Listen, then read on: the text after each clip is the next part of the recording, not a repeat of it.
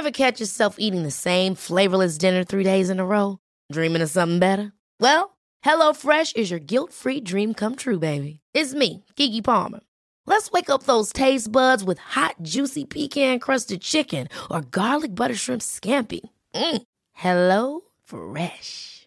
Stop dreaming of all the delicious possibilities and dig in at HelloFresh.com. Let's get this dinner party started.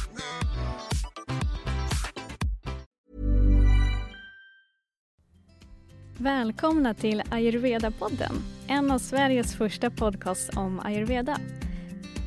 Syftet med den här podden är att låta ayurveda gå från något abstrakt och avlägset till något konkret och lättillgängligt. I podden hör ni mig, Johanna Mård, och ibland även mina inbjudna gäster. Och tillsammans kommer vi undersöka hur ayurveda kan göra en skillnad för oss alla och vår hälsa. Än en gång, varmt välkomna. Så idag vill jag välkomna tillbaka Ida Alderback som var här förra avsnittet också. Ja, tack så ja, mycket. Så kul att du är tillbaka. Ja, men det är en ära. Ja, vad roligt. Det, gud, det är verkligen en ära för mig. Du som reser från Bollnäs för att komma ner hit till mig i Stockholm för att spela in det här. Det, det är verkligen en ära. Jag tyckte det var så fint vårt förra avsnitt och det var fint att få lära känna dig lite mer och höra verkligen men, flera av dina personliga stories om ayurveda. Mm. Så jättekul att du är här igen. Mm. Ja. ja, tack. Och idag ska vi då prata lite mer om ayurveda och de olika rytmerna som det så fint kallas. För inom ayurveda har man ju alltid känt till att världen styrs av olika rytmer. Och de här rytmerna dominerar olika perioder av våra liv. Det styr dag och natt och gör att årstider växlar mellan varandra. Och för den som vill skapa ett liv i balans är det en självklarhet att ta hänsyn till dessa rytmer. Eller hur? Mm. Och det finns då tre rytmer och de här kallas för Vata, Pitta och Kapha. Och det känner vi igen nu. Mm. Och tidigare har vi hänvisat till de här doshorna som tre olika typer av energier. Men i vissa fall kan vi även likställa dessa med tre olika typer av rytmer alltså. Och just idag när vi ska prata om livets olika epoker och årstider och dygnsrytmen och varje individs egna cykel så underlättar det att prata om just rytmer. Ja. ja. Vad tänker du när jag säger rytmer och ayurveda? Ja, jag tänker eh, hur stor del det har varit mitt liv att få balans. Att hitta rytmen i mitt liv och hur det står i samklang till det runt omkring. Och hur viktig naturen är för mig och för oss, de flesta av oss, eller alla oss egentligen. Mm. Fast vi kanske inte är medvetna om det. Och när du säger viktig, då tänker du på...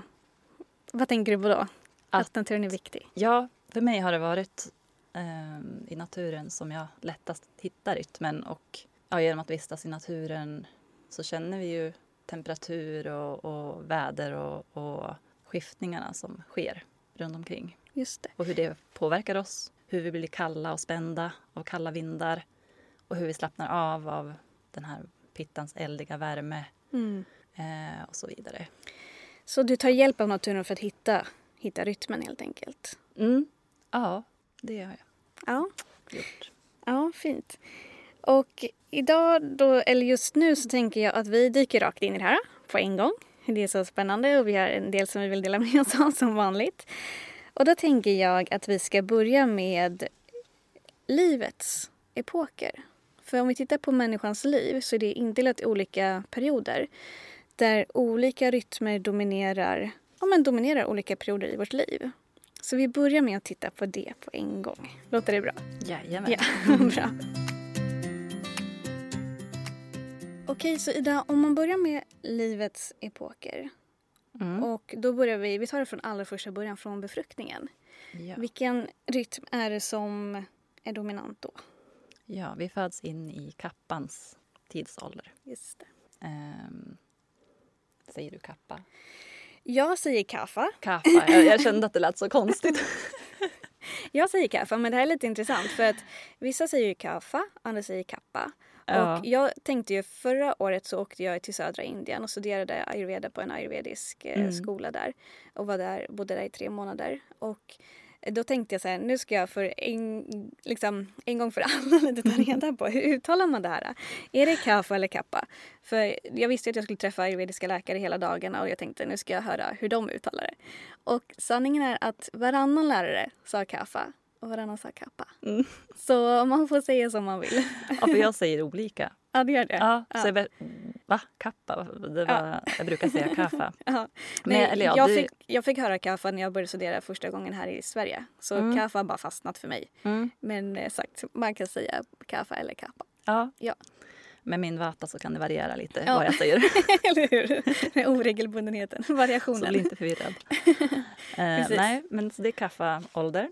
Mm. Eh, och den, eh, det är ju, kännetecknas ju av en uppbyggande fas. Och eh, ja, hela kroppen byggs upp. Det är muskler och det är liksom ben och, och hela kroppsbyggnaden.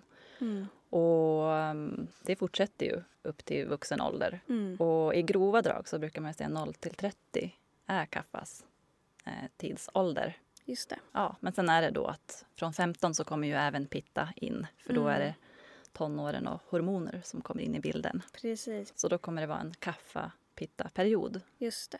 Men kaffa i sig är då i princip enskilt dominant från befruktningen till övre delen av tonåren. Men sen hänger den kaffarytmen eller kaffaenergin kvar då eh, upp till omkring 30 års ålder.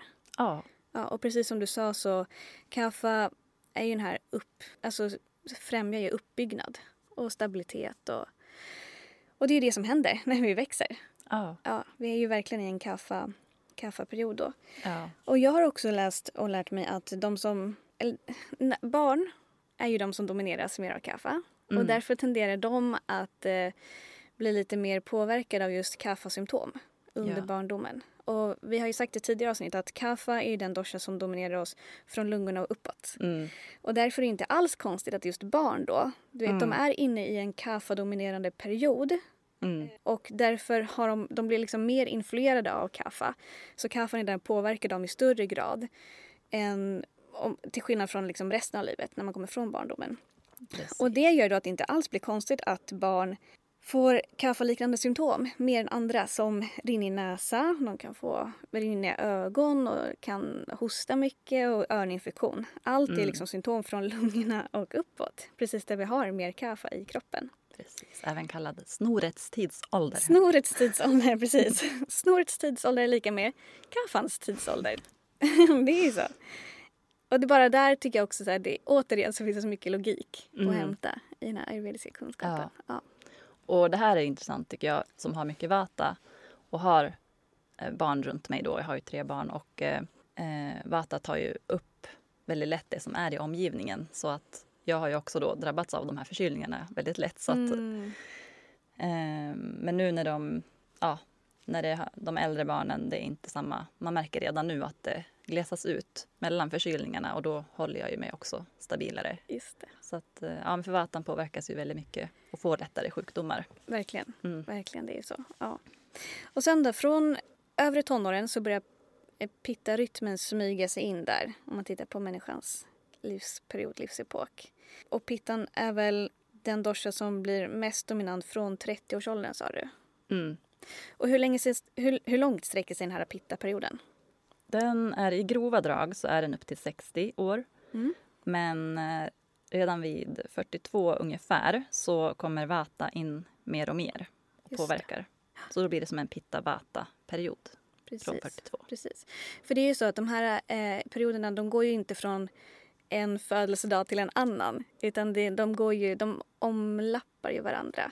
Så vi går ju från kaffa till kaffa pitta och sen är det mer pitta kaffa. Och sen så då blir det pitta den som dominerar. Och som allra mest är runt eh, 40, 45. Mm. Ehm, eller 42 sa du att vata kom in. Ja, så kanske runt Tidigare då. 35 då. Ja, precis. Och, och det här är ju en period i livet då de allra flesta människor kanske känner sig som mest produktiva.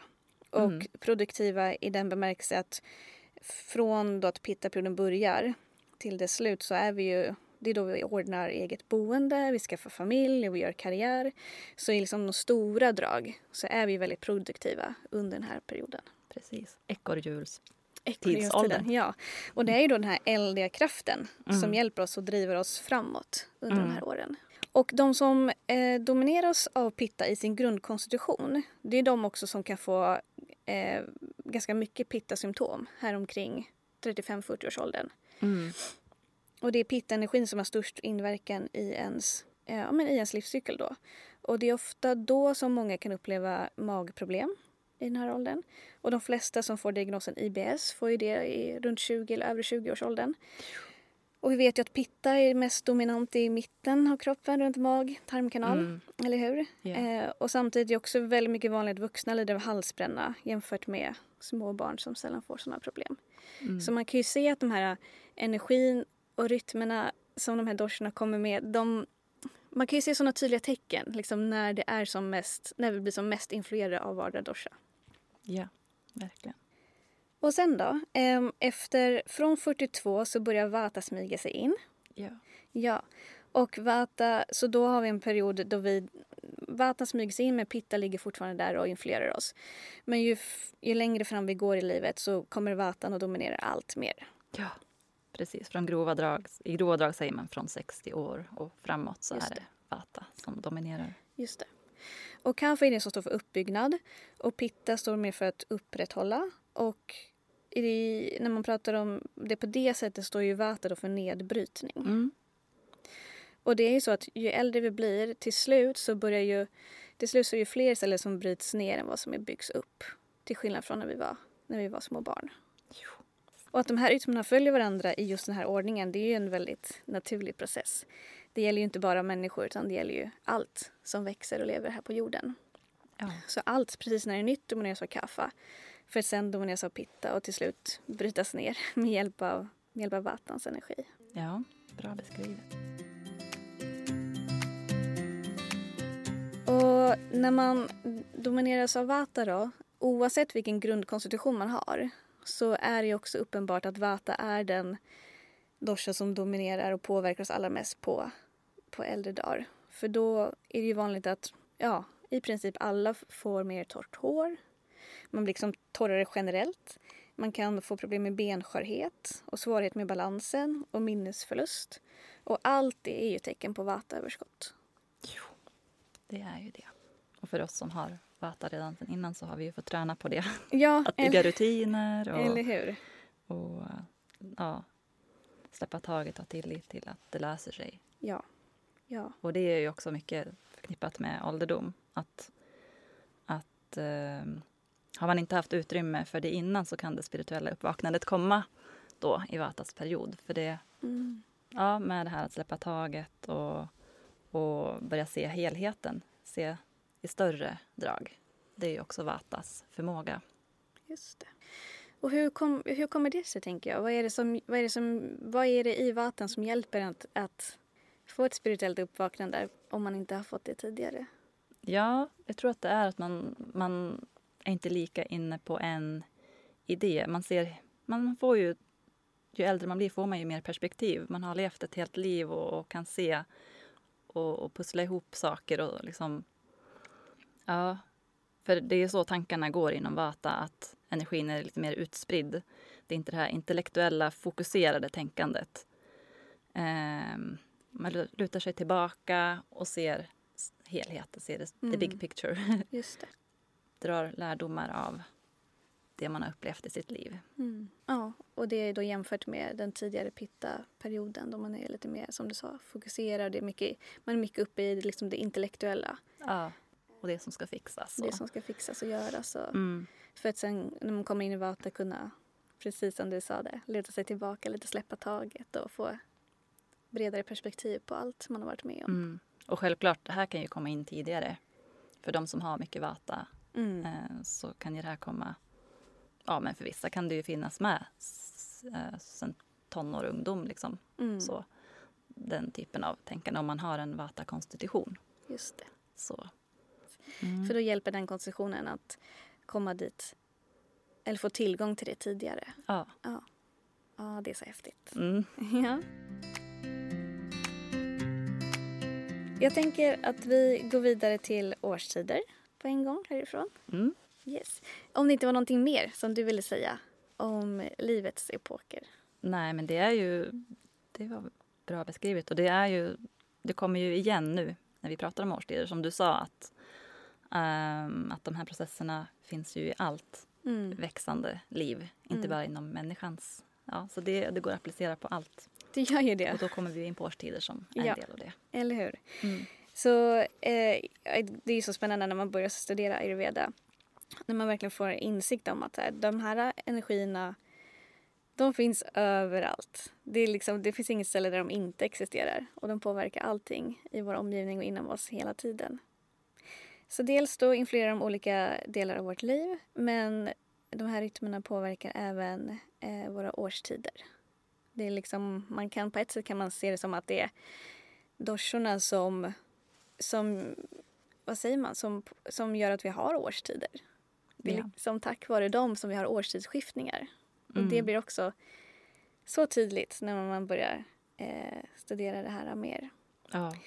ja, det är också intressant att se liksom att de kan komma i obalans, doshorna, i, i, i oss människor och livet runt omkring. Så är det också även i, eh, ja, men i naturen då. Mm. Obalanser som sker genom naturkatastrofer och eh, annat som vi ser. Mm. Och det påverkar oss som människor mm. direkt också. Ja. ja. visst. För vi är ju en del av naturen och vi mm. samspelar med naturen konstant.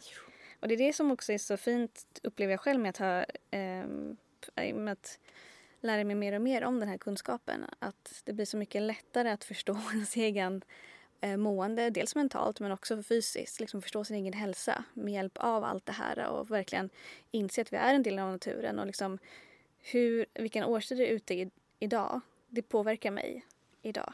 Eh, och skiftar det väder från en dag till en annan så kommer det också påverka mig. Ja. Ja, det finns jättemycket mm. att hämta där om man vill leva ett balanserat och, mm. och hälsosamt liv. Jag tänker att vi börjar med januari. Vi tar det i kalenderår. Ja. Så från eh, januari fram till, fram till mars däromkring så är det doshan vata som dominerar. Och hur kan man veta att det är vata som dominerar då? Mm, då är luften kall och torr. Ja. Ja, men det är kallt och torrt ute. Och jag brukar, en annan kvalitet av vata är att det är lätt. Och ibland brukar jag tänka att det ofta när man går ut på vintern, även om det kan vara kallt, så är det ofta ganska lätt att andas. Det är ju lätt luft. Det är inte som om man jämför med en, om man har varit utomlands någonstans har det varit väldigt hög luftfuktighet och varmt. Mm. Så det är inte lätt att andas. Det är mm. nästan tungt att andas ja. där. Ja. Eh, men den svenska vintern här, det, det, det är torrt och kallt och lätt. Mm. Och allt det är ju egenskaper som eh, vatan kommer med. Ah. Ja. Och det här påverkar ju då oss mycket, som vi sa alldeles nyss. Det som är runt omkring oss, det påverkar oss. Och därför är det ju jättevanligt att många får eh, torra läppar och torra händer på vinden. Mm. Eller på vintern, tack vare, eller på grund av den här vinden som finns i Vata. Um, så det är också så här, bara titta på dig själv och observera dig själv så kommer det också vara ganska lätt att förstå vilken det som mm. verkar influera mig mycket just nu. Mm. För får du väldigt torra läppar och händer så är det mm. tecken på att du är mycket vata i ditt system. Och ja. det kan mycket väl komma från omgivningen runt omkring dig. Ja, och torrhosta också. Torrhosta också, mm. verkligen. Och sen är det också så att många upplever att de vill äta mer tung och varm mat under vintern. Och det här är ju någonting som många människor känner rent instinktivt för att balansera upp all vata som finns runt omkring oss. Så även människor som har, inte har någon aning om vad ayurveda är känner ju att men man mår bra av att balansera sig med det motsatta under vintern. Mm. Ja, ja men det är verkligen, det är ju så. Om ja. man är i balans så känner man vad man ska ha. Och sen då går vi över till våren. Och vilken dosha är det som dominerar våren då? Mm, då kommer kaffa, kappa. Kaffa, kappa. eh, och eh, ja, då är det när snön smälter, rent metaforiskt, så bildas det ju vatten, slem. Alltså där, det, här, det blir mycket, ja men tänk er marsvädret. Slaskigt och blött och mer fuktigt. Och, Precis. Liksom, ja, det, det är ju då kaffas eh, ja. årstid. Och Eh, lättare att få förkylningar, känna sig trög, tung mm. eh, efter den långa vintern. Liksom, så mm. kommer, om man tänker så här, ja men den här vintern gick ju bra, så nu äntligen blir det vår. Men tyvärr, då kanske man, många blir ju sjuka då. Mm. Om man har obalanser samlade sen vintern. Liksom, så när snön smälter så kommer rinner det ut ur näsan. Visst, verkligen. Det börjar rinna runt omkring oss och inom oss också. Det är så. Och några av kaffens kvaliteter är ju det att det är mjukt och tungt och långsamt. Och många kan känna den energin under våren. Framförallt om man har liksom lite obalanser som ligger i kroppen. Att det blir liksom, man tänker så här, oh, men nu kommer våren, så mycket energi. Men det är kanske först närmare sommar som man kan känna av den där energin. Mm. Utan först är det många som går ner lite och det känns men, tungt. Mm. Och precis som du sa, att rent metaforiskt är det som snön smälter. Och det kan bevisa för oss att det är kaffan som börjar influera vår omgivning.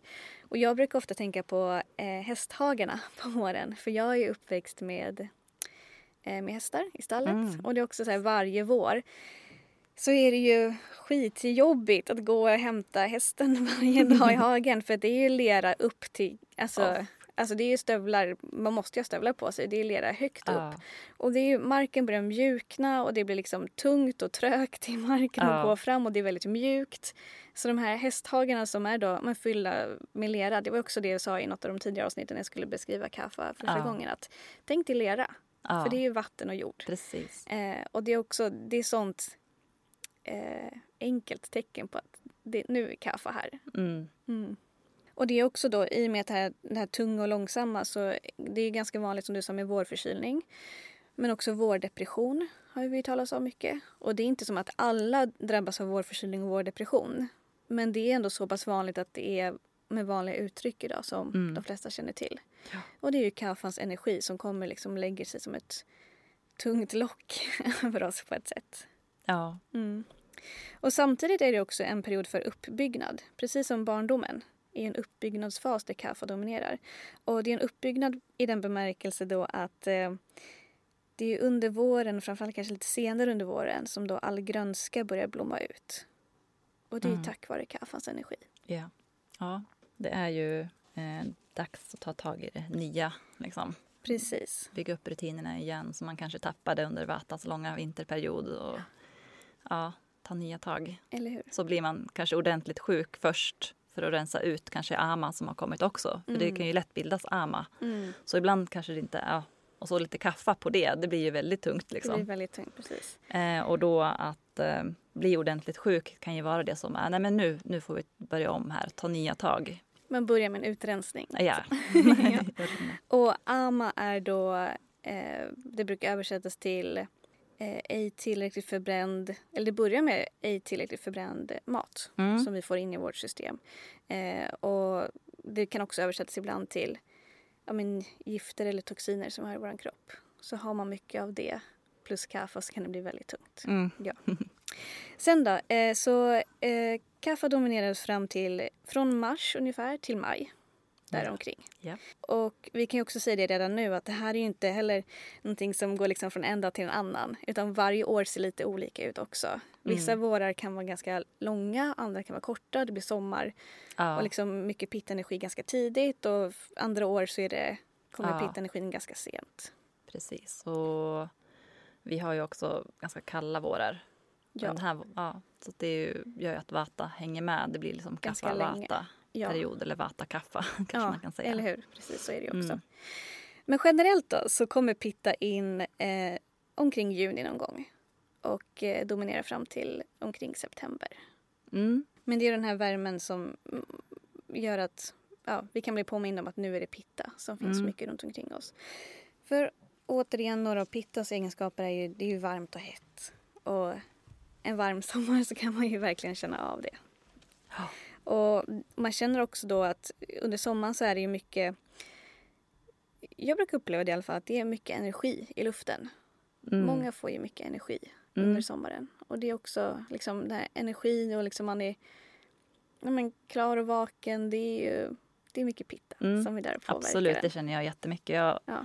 älskar pitta. Ja, jag med. man känner sig stimulerad och eh, får lust att göra saker. Och, så att, men har man mycket pitta sen innan så uppskattar man ju inte det på samma sätt. Nej precis. Mm. För, och det, anledningen till det är ju då för att det kan bli lite för mycket pitta. Mm. Eh, om man redan har mycket pitta inom sig i sin grundkonstitution och sen kommer en jättehet sommar. Eh, att det kan bli ja, men att man får en obalans överskott i sin, sin pitta, mm, pitta Absolut, så det kan ja. vara väldigt tufft. Ja, precis. Och det, och det är ju så att hur bra man mår under olika årstider det beror ju på, Ja, det beror ju på ens egen grundkonstitution och hur väl man eh, balanserar sig själv genom Ja. varje årstid. För Precis. oavsett grundkonstitution så kan du ju må helt fantastiskt under Ja. hela året. Ja, Det gäller ju bara att hitta verktygen för vad behöver jag, vad behöver jag idag för att jag ska vara i balans. ja, verkligen. Det är så användbart tycker jag. Och du har ju pratat tidigare i avsnitt vad, hur man balanserar dem. Ja. Nej men så verkligen och har man mycket pitta och så närmar sig sommaren och då är det ju liksom verkligen ät inte chili varje dag. Nej, nej men precis. Drick inte kaffe nej, varje dag. precis. Ja. Eh, om du kan undvika det. Så. Ja. There's never been a faster or easier way to start your weight loss journey than with PlushCare. PlushCare accepts most insurance plans and gives you online access to board-certified physicians who can prescribe FDA-approved weight loss medications like Wigovi and Zepbound for those who qualify. Take charge of your health and speak with a board-certified physician about a weight loss plan that's right for you. Get started today at plushcare.com slash weight loss. That's plushcare.com slash weight loss. plushcare.com slash weight loss. Quality sleep is essential. That's why the Sleep Number Smart Bed is designed for your ever evolving sleep needs. Need a bed that's firmer or softer on either side? Helps you sleep at a comfortable temperature? Sleep Number Smart Beds let you individualize your comfort so you sleep better together. JD Power ranks Sleep Number number 1 in customer satisfaction with mattresses purchased in-store. And now, save 50% on the Sleep Number limited edition Smart Bed for a limited time. For JD Power 2023 award information, visit jdpower.com/awards. Only at a Sleep Number store or sleepnumber.com.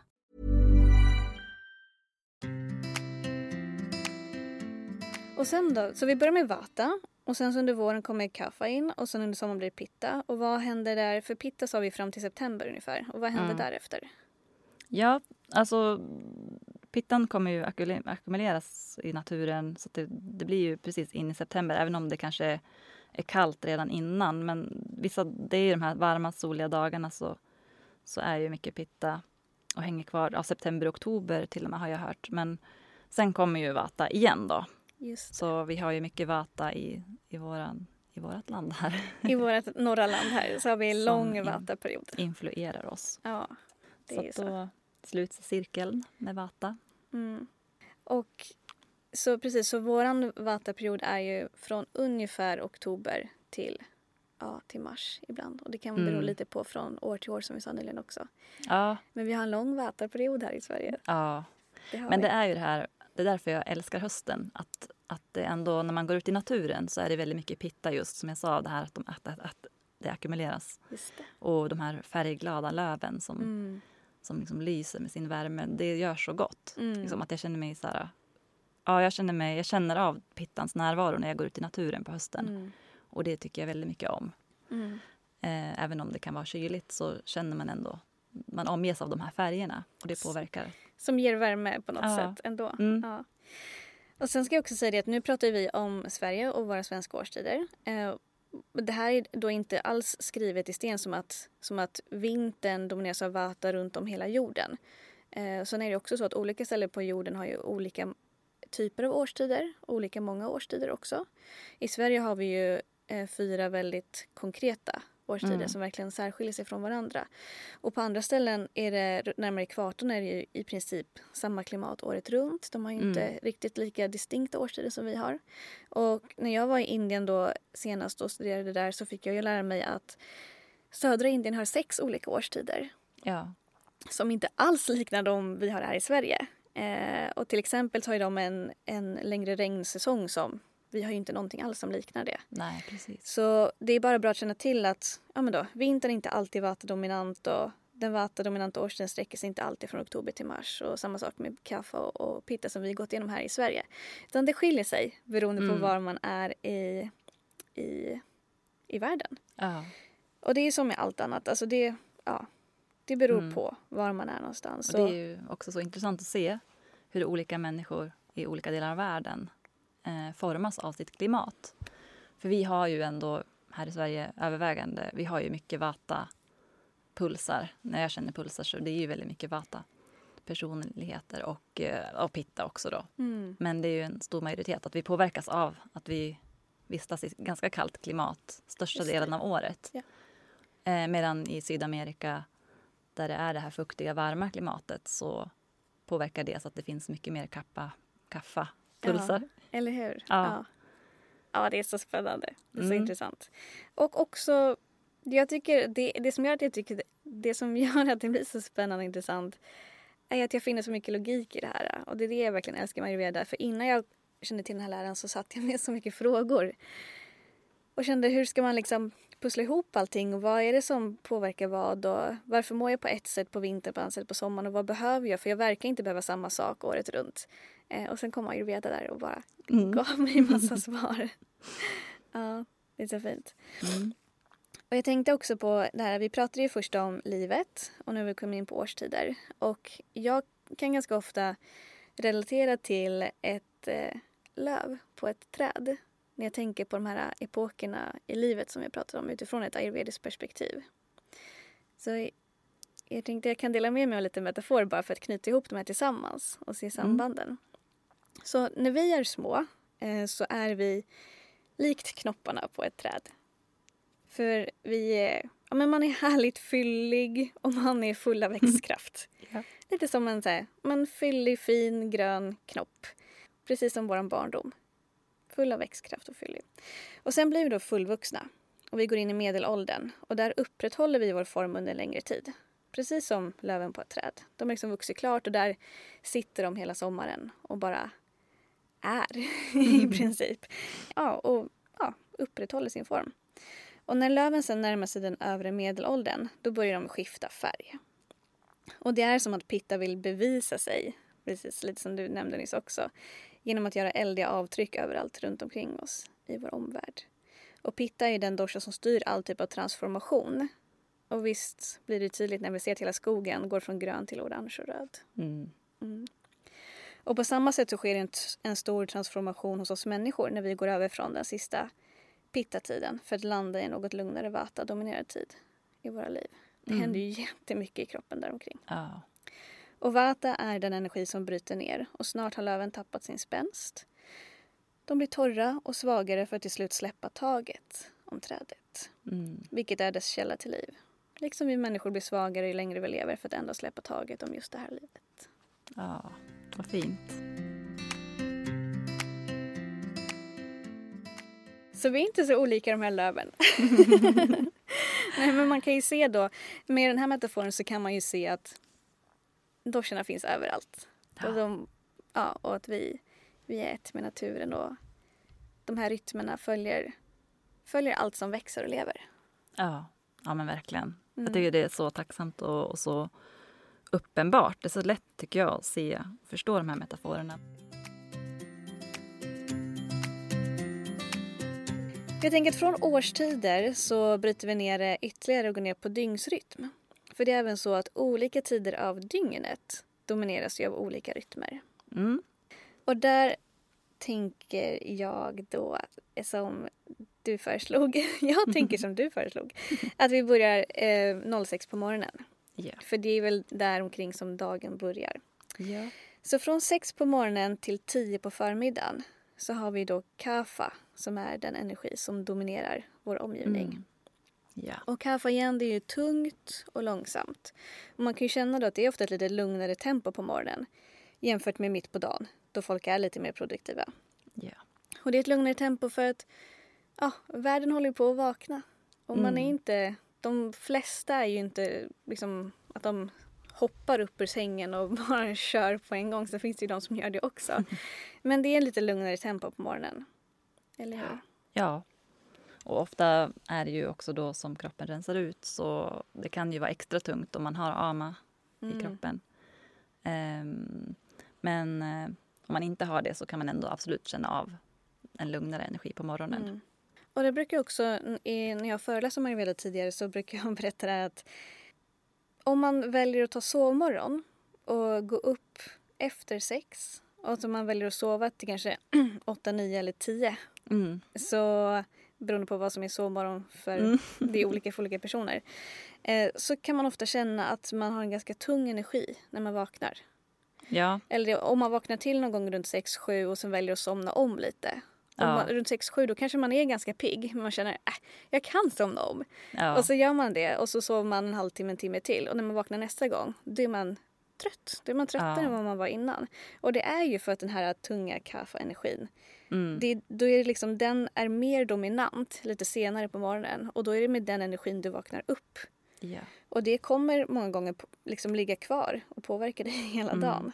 Och vilka är det som har en tendens att ligga och dra sig på morgnarna? Det är ju de som domineras lite mer av Ja. kaffe också. det är ju så. Eh, Så om man upplever att det är tungt att vakna på morgonen, man tycker att det är jobbigt att gå upp, då kan man ju prova att gå upp lite tidigare. Mm. Innan den här Ja. kaffa-energin. Alla tonåringar upp och hoppa. Ja, men lite så. 05.30. ja.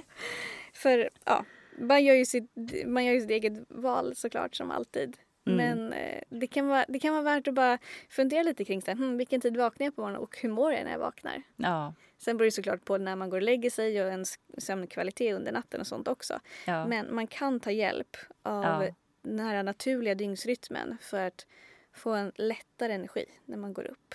Om man går upp lite tidigare, runt, runt 06, innan kaffe blir allt för Mm. dominant och tung. Ja. Ja, men det, så är det för mig i alla fall. För jag, ja, men jag vaknar alltid innan sex nästan nu för Mm. tiden. Och det finns perioder, ja men framförallt vintern kanske när jag klarar av att sova lite längre. Men, men det är ju väldigt, väldigt skönt. Eh, så just nu vaknar jag före mina barn och kan hinna ha med lite egna rutiner. Nej men så det, det är väldigt skönt. Jag verkligen tycker om morgnarna. Och det är skönt med det här lugnet som är energimässigt runt omkring Mm. när alla andra sover. Och, ja, så att jag känner ju att det är den, en av de bästa tiderna på dagen. Mm, värdefull stund för dig. Ja, Mm. och jag tänker att fler, fler skulle kunna dra nytta av den.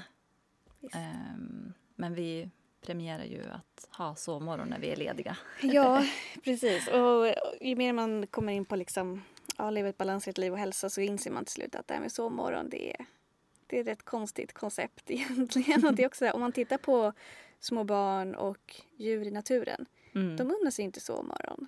Utan de Mm. följer den här naturliga rytmen.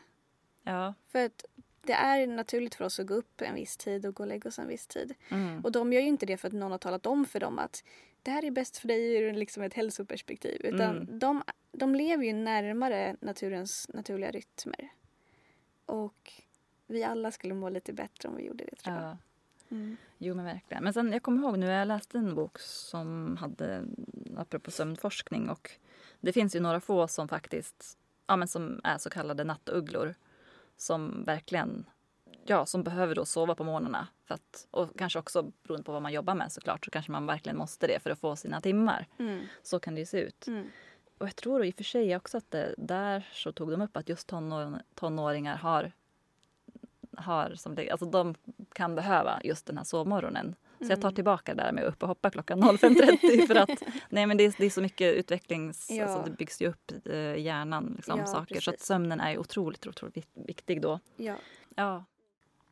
Och sen då, runt, eh, runt 10 eh, då övergår vi från kaffa till pitta. Då är det mer Mm. pittenergi som kommer in och dominerar. ja, det är då vi börjar jobba. Det är då vi börjar Eller jobba. ja, Ja. Det vore ju drömmen.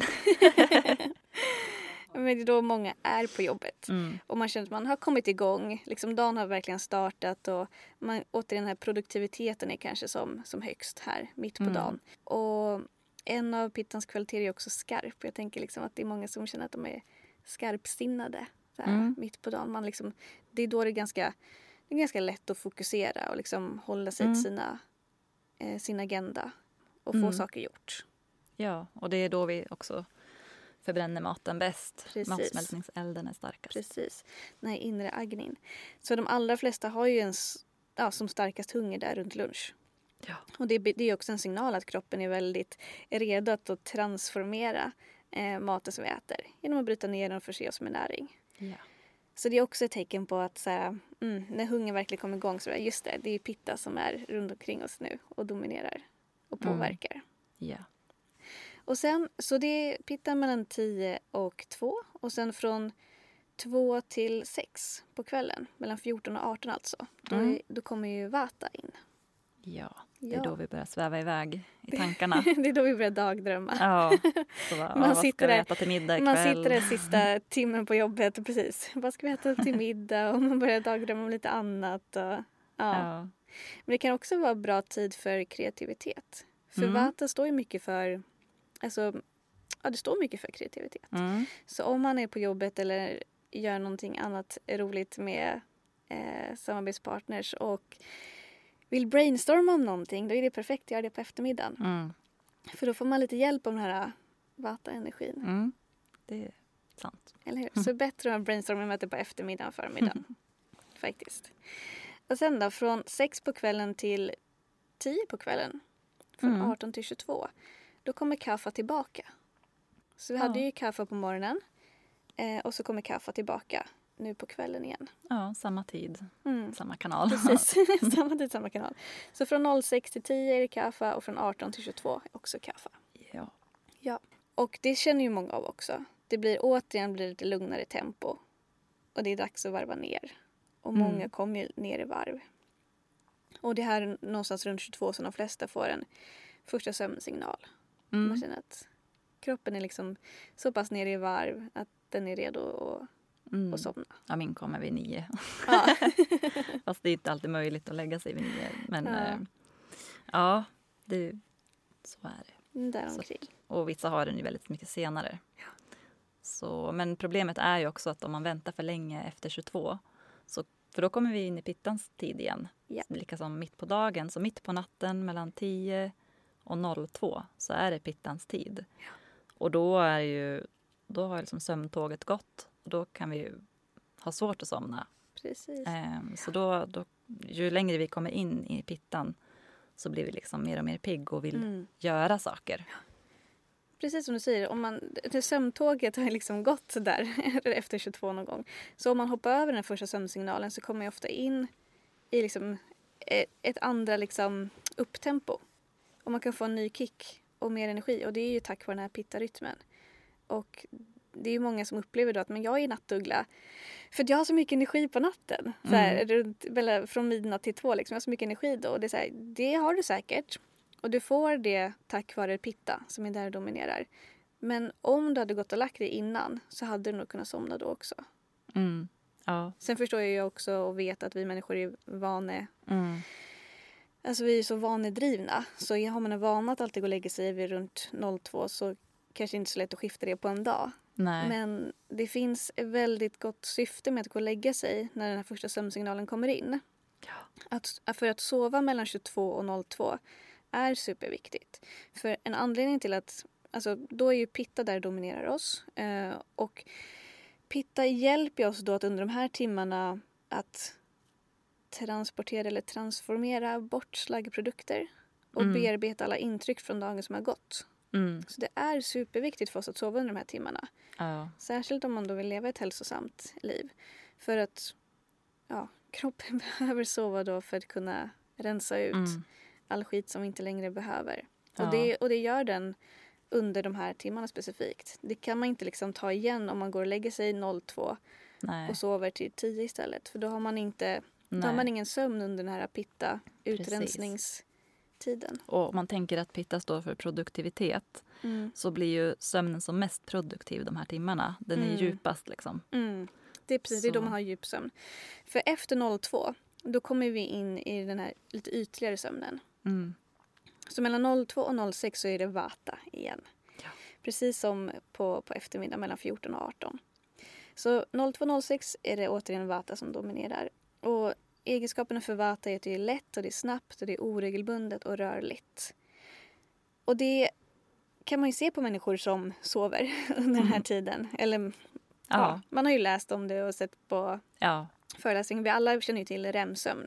Mm. Rapid Eye Movement som betyder att vi, det är mycket drömmar som pågår och det är, man är lättväckt under den här Mm. perioden också. Så djupsömnen kommer under pitta-tiden då vi superviktigt att sova. Mm. Och sen bra att sova under vata-tiden också men den sömnen är inte lika djup som Mm. de första timmarna. Mm. Nej men precis. Men den här REM-sömnen och drömmarna har ju extremt stor betydelse också för, för, den här, för att få en helhetligt kvalitativ sömn. Absolut. Men, och det är ju verkligen också under vata-tiden som många då som är pensionärer och äldre som är i Vatas tidsålder Mm. vaknar ju väldigt ofta. Eh, eller om man bara har mycket Vata som jag. Jag vaknar ju då också lätt Mm. tidigt, tidigare. Liksom. Eh, nej men så att det är ju, är ju då, kan ju bli ett problem. Ja, eller hur? För att sagt, man är lättväckt och har man mycket vata eller domineras av vata utifrån yttre influenser som årstider eller livs, Mm. livscykeln så är man ju väldigt lättväckt och kan ha svårt att somna om då också. Ja, Mm.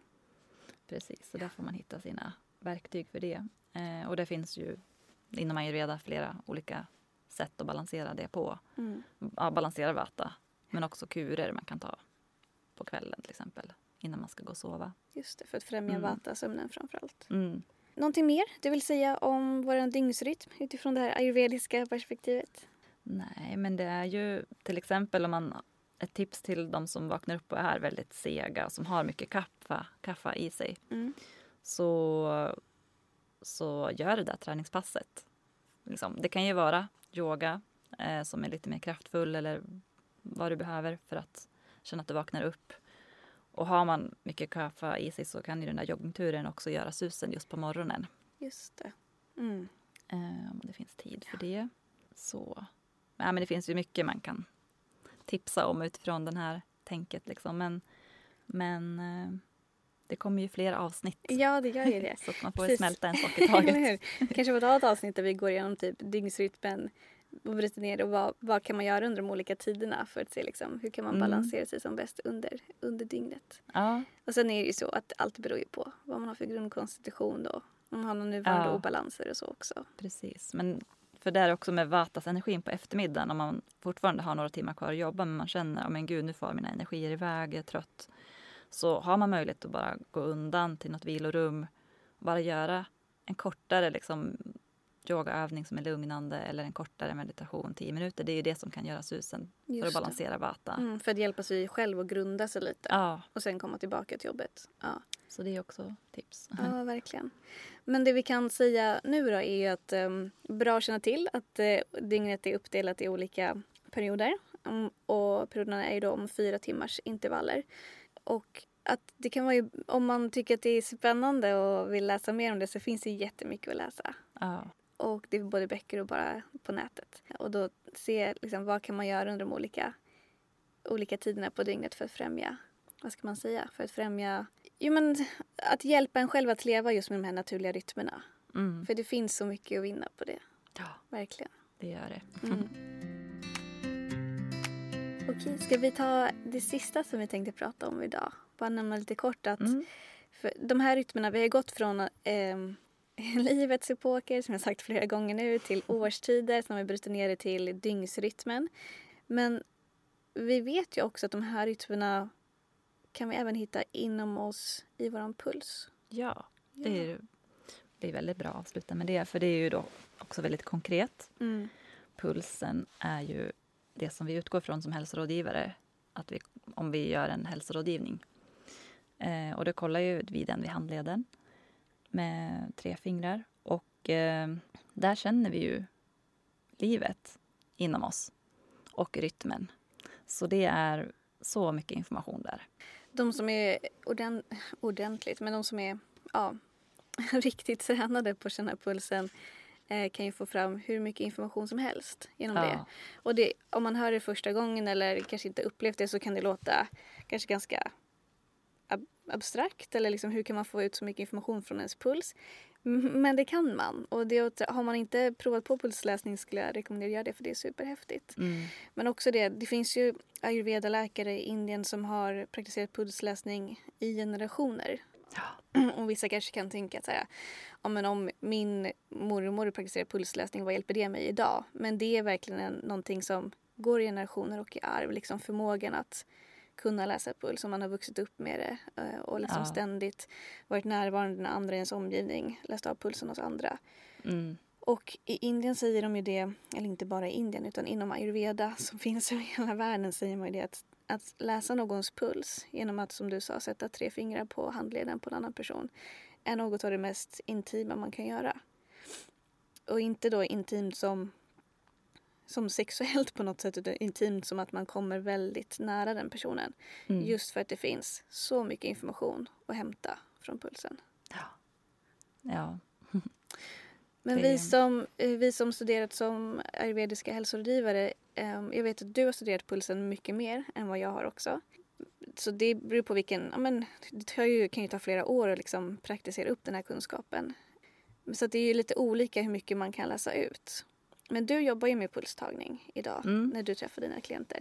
Så vad är, det, vad är det du kan känna i pulsen när du Mm. tar den hos någon?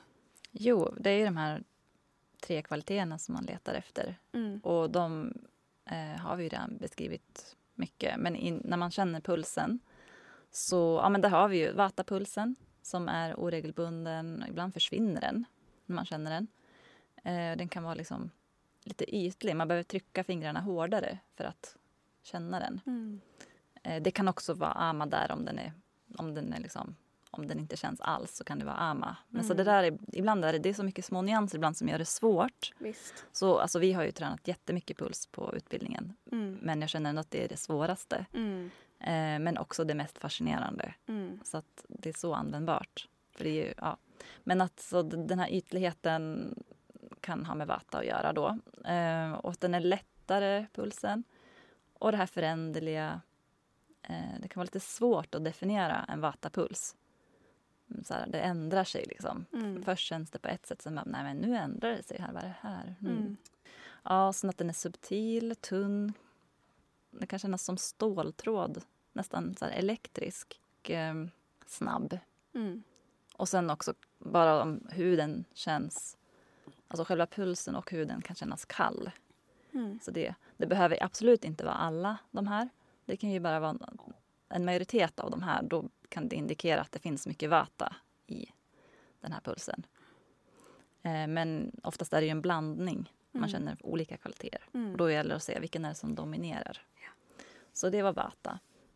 Eh, Man brukar ju prata om olika djur som, Just som förknippas som en symbol för de olika pulsarna. Så ormen får representera vatas puls. Mm. Det här liksom slingriga, snabba, Oregelbundna. oregelbundna. Ja. Just det. Och sen så ja, att man känner att man liksom blir förvirrad av att känna pulsen. Att man inte riktigt kan komma på vad det är. Det är typiskt vatapuls. Mm. Sen har vi pitta och den är ju skarp, intensiv.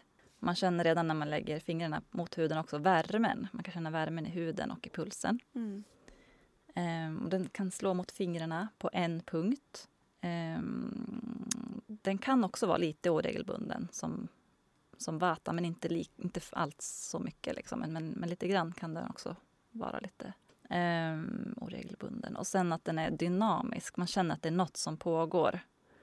Det kan nästan vara som att någonting vill tränga igenom huden. Alltså som, ja, Det är påtagligt. hoppande. Som, ja, och det som symboliserar Pittas puls är ju då en groda. Så, Nästan som någonting som vill hoppa ut. Ja, Jag tänker också en groda när den hoppar fram. Det är, liksom, det är ganska jämna steg, det är Mm. jämna hopp och det är liksom, ja. ganska jämn precis. Så Mm. huvudsakligen regelbunden. Mm. Eh, och det skapar en som stimulerande känsla att känna den här pulsen. Mm. Alltså i tanken, stimulerande i tanken. Så ja, stimulerande kanske räcker som ord där. Och sen Kappas puls. Så är det en, där är det regelbundet. Det är liksom ledordet. Och att den är stabil, man kan känna en tyngd. När man lägger fingrarna på, den är ju också kall, huden och pulsen. Liksom vata. Men som sagt, här finns ju den här regelbundenheten. Det finns också en mjukhet och den är an, en angenäm känsla. Och en struktur. det finns en substans.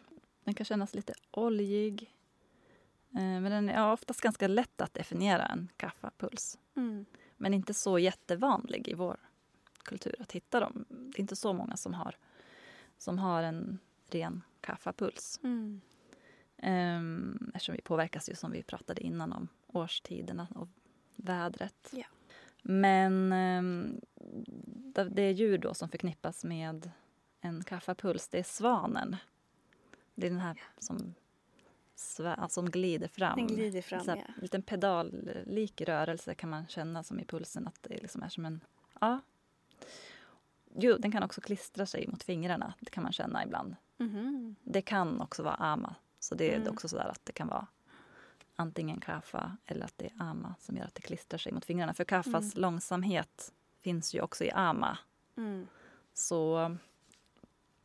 Men, eh, nej, men det skapar en angenäm känsla hos en pulsläsare att känna en kaffapuls. Mm. Så det är liksom... Den är oftast som sagt lätt att definiera. Mm. Jag tycker det här är så spännande och jag har så mycket eh, respekt för dem som eh, verkligen kan utläsa så Mm. mycket information från pulsen. Jag tycker det är så häftigt. Ja, Ja, det är Det så är det. spännande. Och första gången... Alltså jag tror det är kanske, det är nog ingen som glömmer första gången man har träffat någon som gör pulsläsning på en. nej. Och jag upplevde det första gången jag var hos en ayurveda-läkare som läste min puls. Så fick jag lägga fram handleden och hon la tre fingrar på min vänstra handled och kände efter. Och det, jag upplevde lite som att hon spelade, det var nästan som att hon spelade piano på min handled. För du vet, man, man, man trycker lite med ett finger och släpper man det, trycker man med nästa. För man får ut olika mycket in- information, eller man får ut olika typer av information beroende på var på pulsen man känner eh, och så vidare. Och man kan få ut en information om man känner med fingertoppen och information om man känner längre ner på fingret Ja. och så vidare. Så det är ju Mm. verkligen jag upplevde som att hon satt där och spelade lite piano Ja. på min puls. Ehm, och så satt hon så i en, två minuter kanske. Och sen släppte hon taget och sen kunde hon berätta hur mycket som helst om Ja. mig och min hälsa och min personlighet. ehm, vad jag varit med om i livet och så vidare. Det är, så här, det är nästan svårt, eller det är svårt att förstå om man inte upplevt det själv. Ja. Och absolut värt Ja. eh, att prova om man är nyfiken på det. Verkligen. Och inte bara för att det är en kul grej utan för att det kan verkligen vara någonting som kan hjälpa en att främja ens egen hälsa Ja. på ett helt, utifrån ett helt naturligt, eh, ja, men naturligt och holistiskt synsätt. Ja, absolut. Jag tänker också att jag tänker att vi tänker så mycket. det är ju det som, alltså, men pulsen den talar ju för sig själv. Så Ja. att vi kanske går runt och tänker att vi är en viss typ. Det är ju vanligt. Precis. Ja. Det var som det avsnittet jag pratade om, det här med endorsen och våra personligheter. Mm. Jag tycker det är så häftigt med ayurveda att vi kan ju gå till en ayurveda-läkare eller ayurvedisk hälsorådgivare där vi inte behöver svara på massa frågor. Vi behöver liksom inte vara uppe intellektuellt och svara på massa frågor för att få gensvar på vår hälsostatus. Utan vi går till någon som bara får titta på vår anatomi och liksom fysik Mm. och utifrån det berätta vårt hälsoläge och vad vi behöver för att må ännu bättre. Ja. Så spännande, allt det vi har pratat om. Och jag tänker att vi ja, avrundar med det här med pulsen. Och, Ja. ja, ja. Ja, det går ju annars blir det aldrig något stopp. eller hur? Och allt det som vi pratat om, vi har verkligen gått igenom det. Ja, vi har bara gett ut liksom första lilla grunden bara för att få en, en bild av att doshorna finns här överallt runt omkring oss och mm, ja, ständigt påverkar oss och influerar allt som är runt omkring. Ja. Och eh, det finns såklart jättemycket mer att prata om det här också. Men jag tycker det har varit ett jättefint, givande, spännande avsnitt. Ja. Och tack igen Ida för att du kom hit och ville prata om det här tillsammans med mig. ja, tack själv. Så Ida, om man vill ha mer kontakt med dig, om man känner att eh, du är en person som verkar sitta på mycket kunskap och man vill ja, men fortsätta ha ja, men kontakt med dig eller höra av sig med någon fråga. Var hittar man dig bäst då? Ja, bäst är ehm, via Instagram tror jag nu. Mm. Eh, jag heter Ayurveda Sesamida. I ett bara, ayurveda sesamida. Ja. Mm. Och jag försöker uppdatera den eh, varje vecka. Men Mm. där kan man också skriva meddelanden. Just det. Men det går också bra med Facebook. Jag har en sida på Facebook. eh, Och en hemsida. Just det. Och Facebook är också ayurveda sesamida. Ja, det var Och- det, det namnet jag har. Ja. Och din Mm. hemsida var Det är också Ayurveda Sesamida. så enkelt. Det är bara att söka på det. Ja, så enkelt. Likadant överallt. Och jag vill också, jag kan också tipsa om ditt Instagramkonto. För jag tycker det, det du delar med dig av där är så fint, så värdefullt. Ehm, och jag har ju skrivit det till dig flera gånger när du har lagt ut ett inlägg bara Men wow, gud vad kul att du delar just det här och på det här sättet. Och väldigt också, men du är också väldigt du har lätt för att förklara det här komplexa med ayurveda på ett ganska enkelt sätt. Så att det blir lättillgängligt, man förstår det och det, ja, finns det massa värde att hämta där. Så hänger Åh. man på Instagram så infölj ayurveda sesamida för det, det kommer man inte ångra. Åh, tack. Tack för att du har lyssnat på det här avsnittet av Ayurveda-podden. Dela det gärna med dina vänner så hörs vi snart igen. Och jag som pratar heter Johanna Mård och om du har någon fråga, fundering eller önskemål kan du antingen skicka ett mejl till johanna.javeda.se eller gå in på min hemsida javeda.se eller connecta mig via Instagram och där hittar du mig under namnet Johanna ayurveda. Och du, ta hand om dig. Namaste.